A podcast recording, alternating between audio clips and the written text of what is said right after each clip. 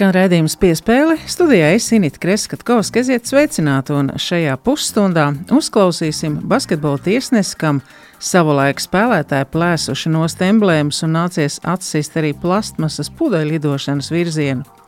Juris Kokainis pēc 23 gadiem starptautiskajā arēnā nokļuvis par FIBA kategorijas komisāru, un raidījumā vērtēs gan tiesāšanas tendences, gan arī rezonanci pēc lietuviešu maču pasaules kausa izcīņā. Pirms 25 gadiem par pasaules čempionu starptautiskajā Dambretē kļuva Gunts Valneris. Nulikā viņš atgriezies no prestižākā turnīra ar izcīnīto bronzas medaļu. Piespēli dosim arī cilvēkiem, kas ikdienā tiek pie adrenalīna lidojot ar paraplānu. Latvijas komanda startēja pasaules čempionātā piezemēšanās precizitātē, un redzējumā viesi būs tiesnesis un sportists Andris Pāža Andris Kusmans, kā arī Latvijas paraplanierisma valdes priekšsēdis Normons Pakulis.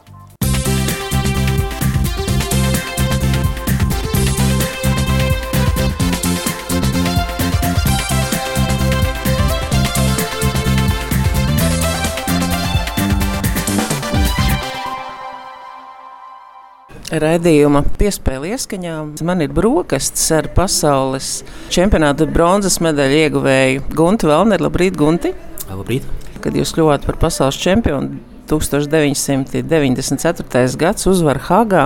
Ir pagājis milzīgs laiks, tātad mēs varam teikt, ka ir gan ilgadība sportā, gan aktīvajā sportā. Nolika esat atgriezies no Kodivāras, arī eksotiska valsts, un, un droši vien, ka vispirms ir interesi par to, kas ir šajā laikā mainījies. Jūsu ģimenē, Gunti, jūsu pilsētā, vai tā joprojām ir jūrmāla? Laiks ir pagājis iespaidīgs, 25 gadi sanāk. Man ir divi bērni kurus iznāk vest uz skolu diezgan tālu. Pēc tam vēl vairākas reizes es esmu ieņēmis uh, otro un trešo vietu pasaules čempionātos, kur notiek reizes divos gados. Jurmo joprojām uh, man ir tuva, bet nu, praktiskā dzīves vieta man pašai ir vairāk ir robežu pusē.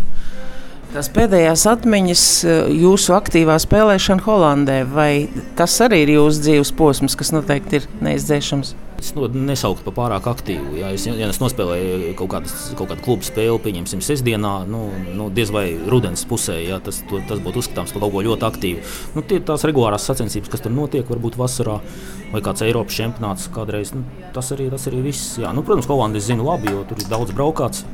Bet teikt, ka es tur esmu ļoti, ļoti aktīvi un daudz atrodos, nu, piemēram, ņemot, nu, nu, tagad es aizbraucu, tas bija uz dažām dienām, e, oktobra sākumā. Pēdējo reizi pirms tam es tur biju bijis, ja nemaldos, martā. Nu, vai varētu teikt, ka eh, teiksim, marts un oktobris tas būtu ļoti aktīvi. Nē, nu, vienkārši viena no valstīm, kurās eh, kaut kas notiek. Mhm.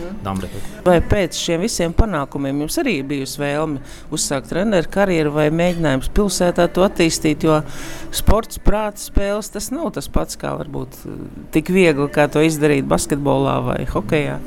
Jā, mums ir jauns un ļoti aktīvs prezidents bijušais Dambritis, būtībā viņš arī, arī pašais labprāt šeit arī piedalās kaut kādās ātras spēles sacensībās vai kur arī pasaules līmenī. Bet nu, viņam ir savs uzņēmums, viņš nodarbojas ar, ar reklāmu. Viņš ir starptautiskais meistars Dambritī par, par tām trenēšanām. Nu, viņš būtībā arī parādīja tādu tā kā, ceļu, kā, kā varētu to trener, trenēšanas procesu veikt. Un viņa sieva, Dambritis, kas ir no Baškīrijas, viņa mm, arī organizē treniņus Biķernieku ielā, kur viņiem ir savs klubs. Nu, tas ir tā privātā kārtā, tas nav pie kādas organizācijas. Un, ja tā paskatās, tad būtībā kaut kas līdzīgs notiek Ķīnā, kurā Protams, cilvēku skaits ir vienkārši vaiprātīgs un Latvijai neiedomājams. Ja pieņemsim vienu provinci, 82 miljonu iedzīvotāju, ja, kas mums liekas, skan kā Dobels rajons, bet būtībā tā, tas ir 82 miljoni iedzīvotāji. Un galvaspilsēta 14 miljoni. Pieņemsim tajā. Runa iet par Pekinām, Šankajām, bet runa iet par nu, provincēm.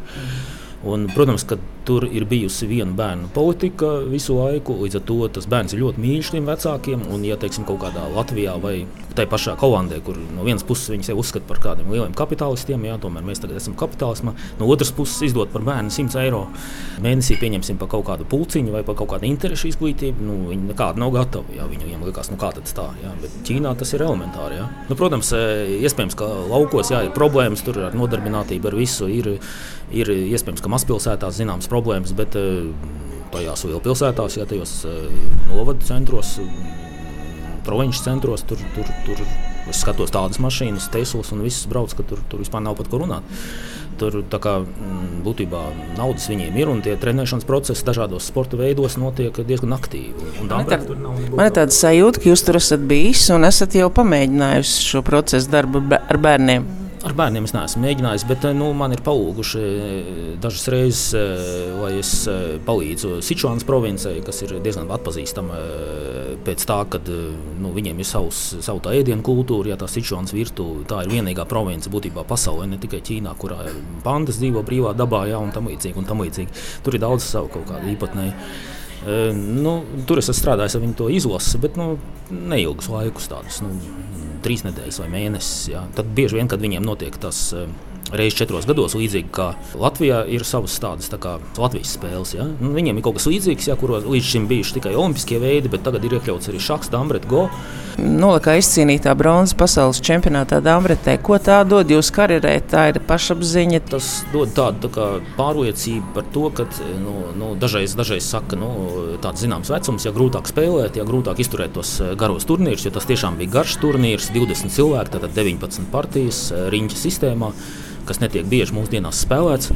Eh, bet nu, es, es izturēju to gan fiziski, gan emocionāli. Pilnīgi izturēju un ļoti pareizi sakārtoju visu. Kā, kad, kad ir tās retās reizes, kad bija divas spēles dienā, jā, līdzvērtīgi eh, tos spēkus eh, sadalīju. Un iznāca tīri labi. Es pat teiktu, ka es biju zināmā mērā neapmierināts par to trešo vietu.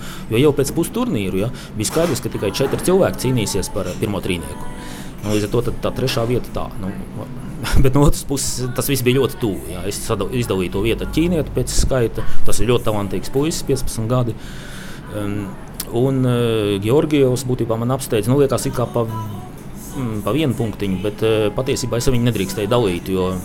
Dalīšanas gadījumā viņš būtu augstāk par mani, sakrā to, ka viņš, nu, viņam paveicās būtībā pret Alekseju Čižovu pirmajā kārtā, kas vēl nebija gatavs īsti spēlēt, un pret uh, spēcīgāko afrikāni Aci kur būtībā abas partijas tika minētas pozīcijā 6 pret 6, ko viņas, viņi abi nekad mūžā nezaudētu. Ja? Bet pret Georgiju kaut kā, kaut kā tas notika. Ja? Tas līdz ar to tas dod gan divus punktus, gan vēl iespēju dalīt ar visiem. Jo tāpēc, ka nu, koeficients pretestība tas ir trīs punkti būtībā, tas ir ļoti daudz augstā līmenī. Nu, varētu teikt, ka šajā brīdī ir zināma telpa. Ja? Man ir 20.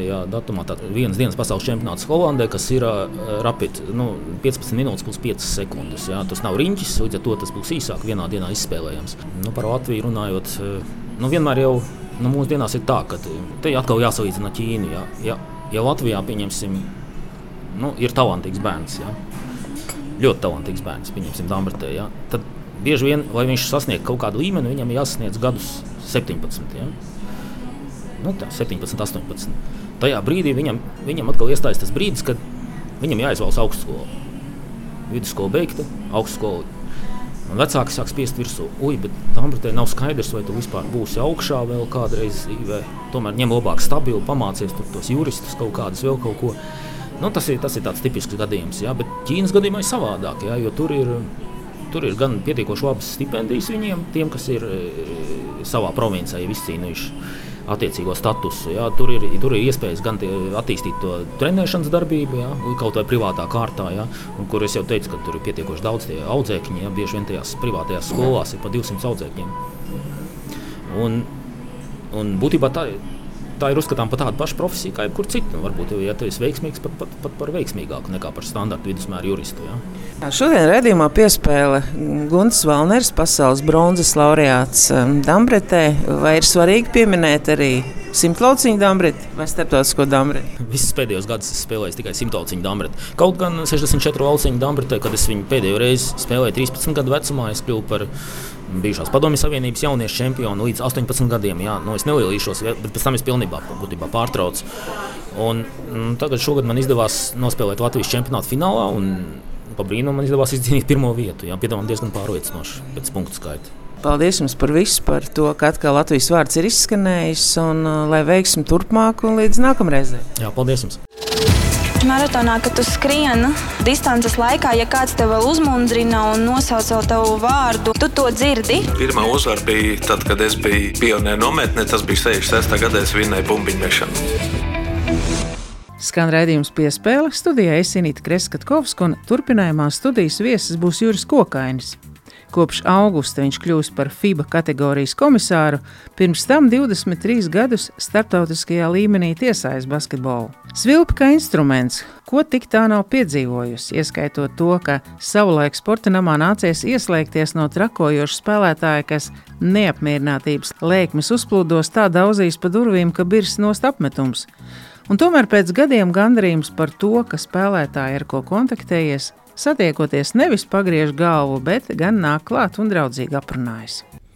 Jautājums par to uzvārdu, jo es esmu daudzreiz teikusi, ka ir tiesneši, kas uh, tiesā tikai vienā virzienā, ar koku roku saucamo, un tavs uzvārds ir kokains. Vai tu esi kādreiz šo saistību mēģinājis atšifrēt? Nē, man ārzemēs ātri sasaistīja ar kaut ko pavisam citu, ar baltu pulveri. Kokaīns. ah, skaidrs.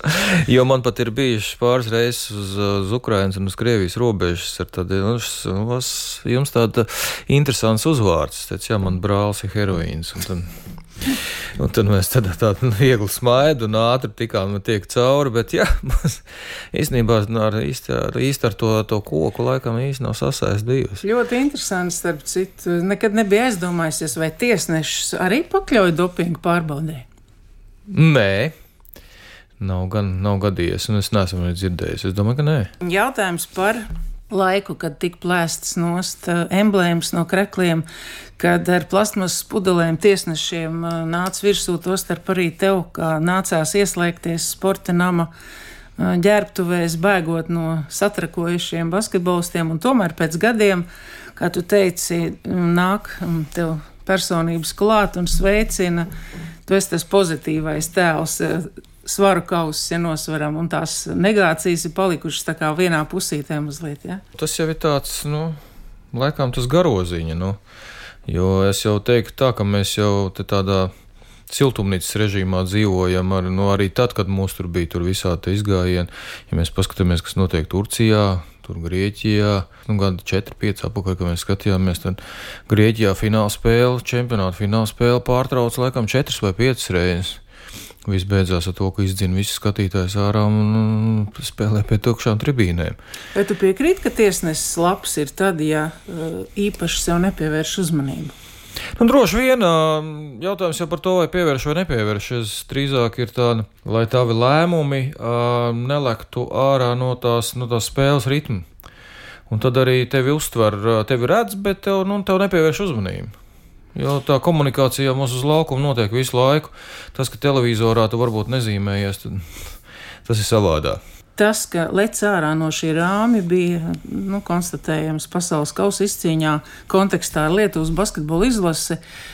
Vai ir lietas, kas bija novēršamas, un droši vien, ka tu arī tagad jau domā par to, kā varētu uzlabot šo basketbola tiesāšanu nākotnē, lai šādas tiesneša kļūdas, kuras arī tiek atzītas, nu, neietekmētu tik ļoti. Jo nu, mēs taču zinām, kas ir apakšā. Ir tūkstoši sagatavošanās procesā, ir, ir veselības lietas, ir pakļaušanās ģimenes nu, ar tavu atdot izlasē. Nu, viennozīmīgi, jā, nu, grūti. Ja mēs runājam par to Lietuvas spēli, man liekas, ka tur drīzāk ir tāda. Es skatījos viņu um, dzīvē, pēc tam, kad paskatījos arī atkārtojumā. Ļoti grūts, pirmkārt, ļoti grūts moments priekš tiesāšanas. Novērtēt viņu praktiski tā ļoti labi varēja tikai atkārtojumā. Tā tiesneša ķermeņa valoda bija ļoti pārliecinoša. Tas nozīmē, ka viņš no tā redzes, viena redzes, no it kā viņš bija pārliecināts par to, ko viņš redz. Ja tā mēs lēnām patrinām apakaļ un mēs paskatāmies arī citos sporta veidos, nu, mēs varam salīdzināt ar to pašu futbolu. Nu, futbolā man liekas, tā viena tiesneša kļūda pēdējā minūtē nozīmējot vai nenozīmējot 11 metru sodu sitienu ir vēl nu, tāda iespaidīgāka nekā nosacīta teiksim, šis. Tāpēc arī ir video. Tas arī, es domāju, tas ies uz priekšu un tikai attīstīsies arī Latvijas līgā. Basketbola savienība noslēgus līgumus par, par šādas sistēmas ieviešanu. Viņi būs šajā gadā, nākošajā gadā jau būs arī otrā līga saņemt šādas sistēmas. Ir kaut kādi noteikumi, kurus tu drīkst skatīties, un jautājums par to, vai, nu, jā, ir vienkārši arī cilvēciskā kļūda, kādreiz tu vienkārši nevar rēģēt varbūt labāks efekts būtu, ja nebūtu atzīta šī tiesneša kļūda šajā kontekstā? Grūti man spriest.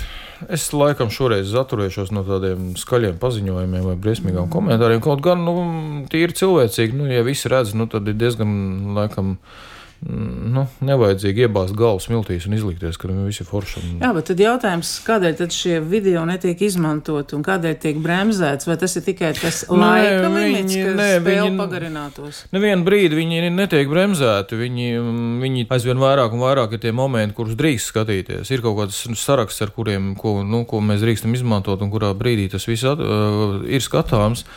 Uh, jautājums par to, uh, vai skatīties vai neskatīties, lemj tiesnesis uz laukumu.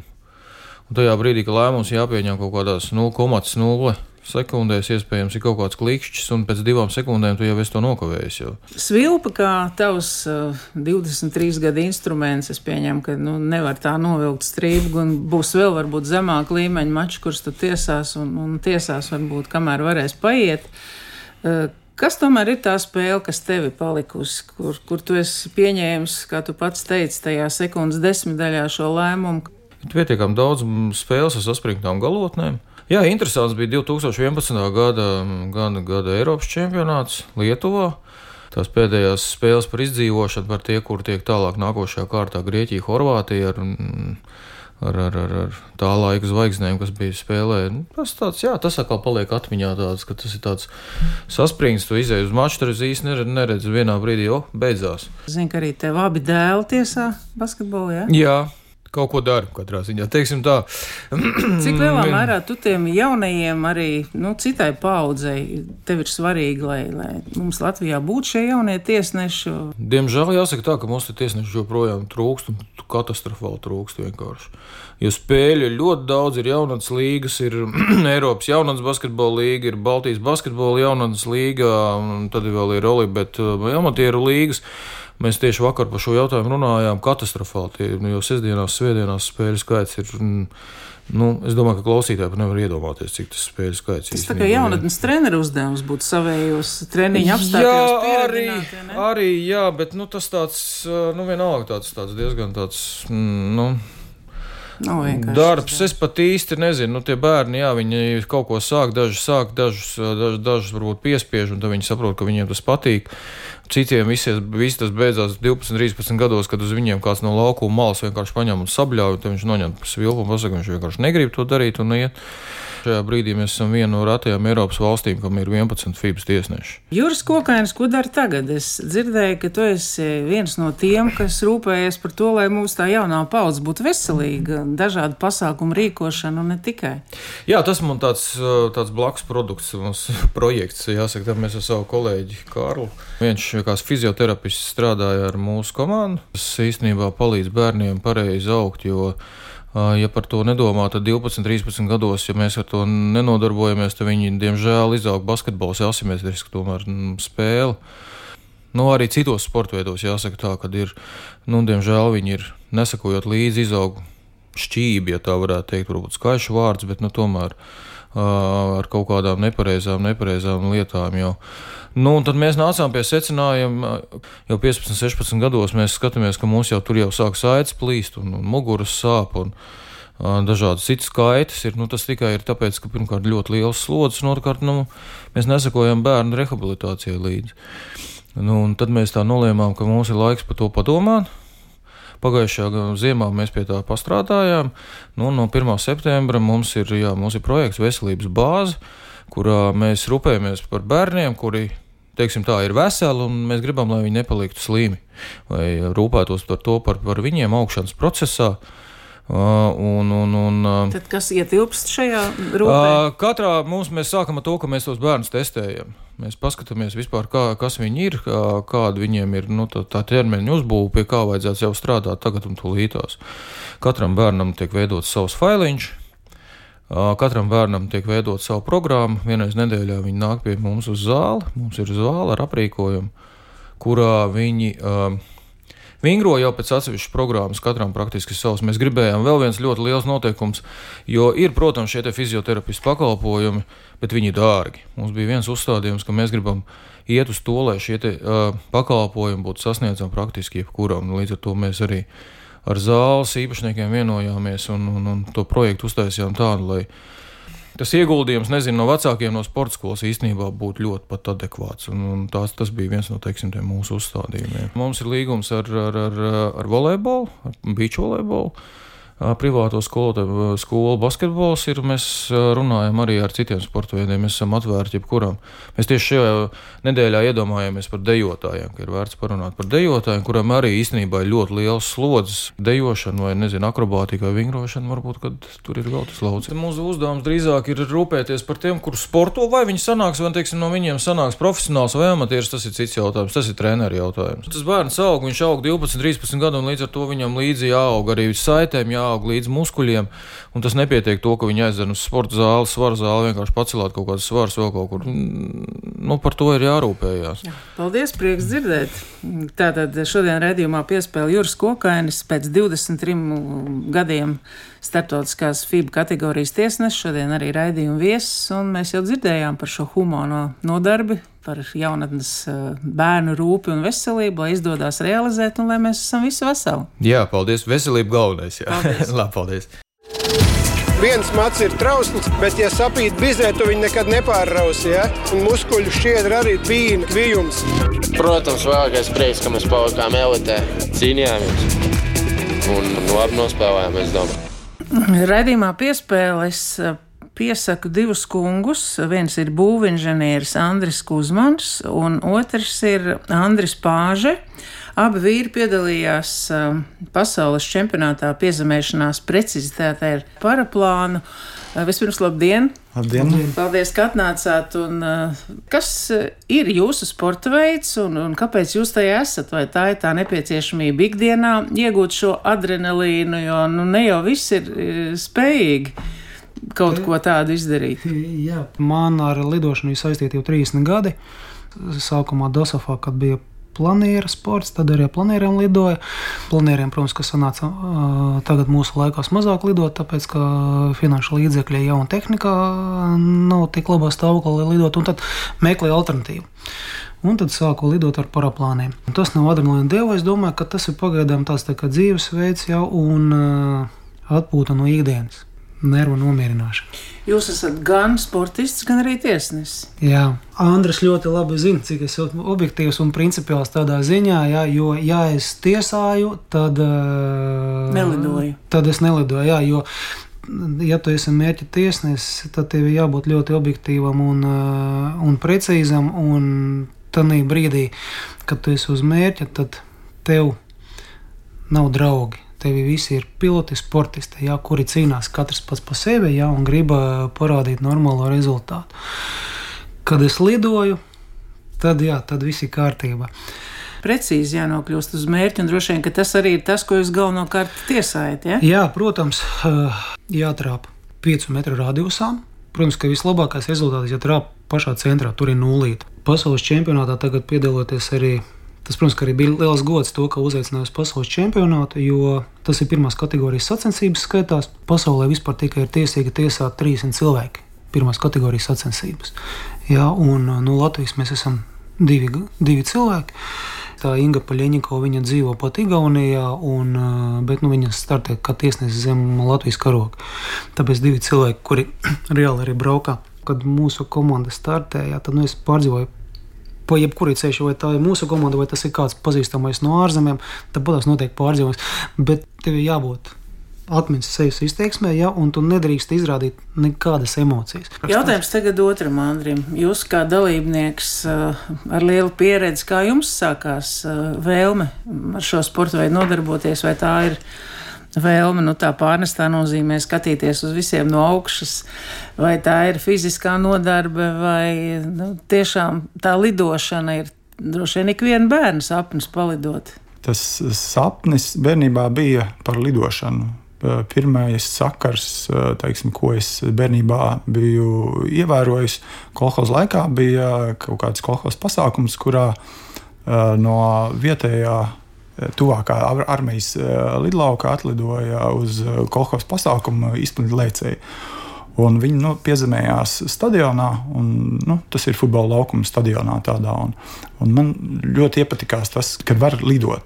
Jo saprast uh, gaisu, tas ir, man liekas, ir nu, mākslinieks uh, sadzīvot uh, ar gaisa elementu, teiksim, netaustāms no lidmašīnas jālec ārā. Man, man ļoti baidīja, man bija ļoti, ļoti bail no tā visa, bet man bija tāda tieksme. Ja kaut ko vēlēs, bet ir ļoti bail, tad, tad tomēr, tomēr iet kaut kādā veidā, vismaz tuvināties tam. tam. Un tā tuvināšanās man lidošanai parādījās tikai tad, kad man bija kaut kur 35 gadi, kad desmit gadu atpakaļ. Es pirmo reizi izlidoju ar, ar tandēm lidojumā ar paraplānu. Tas bija arī Rumbulā. Man toreiz gan nepatika.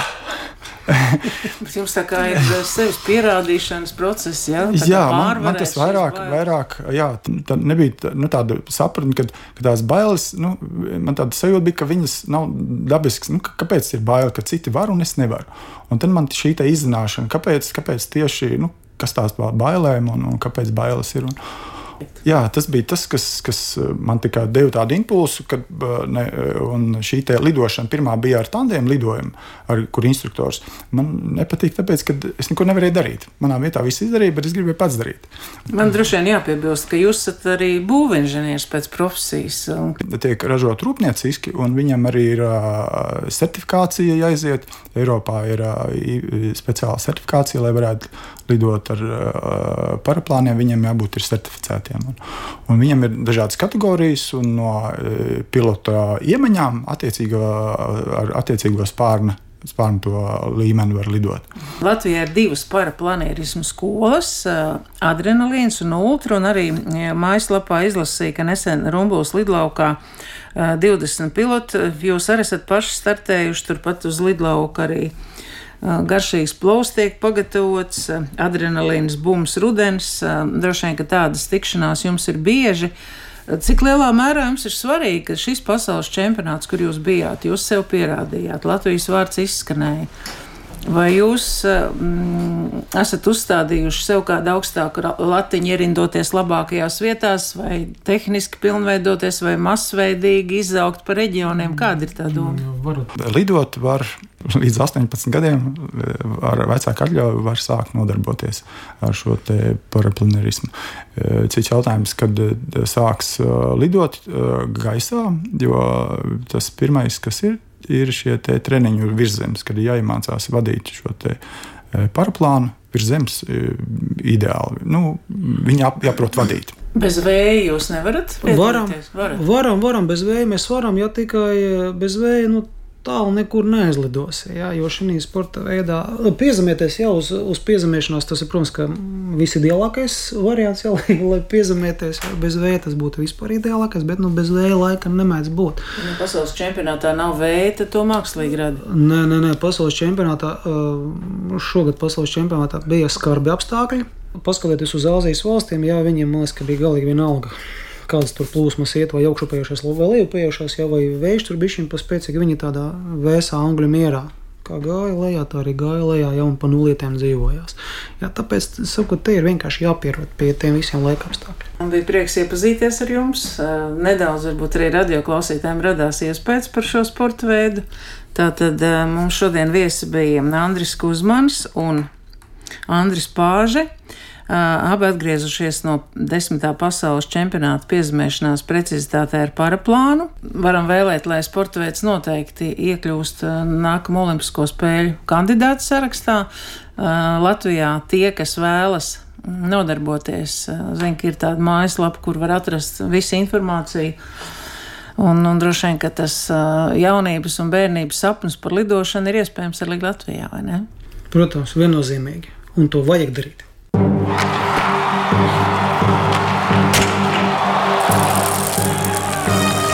Izskan raidījums piespēle studijā Esinīt Kreskatkovskus sadzirdēšanos.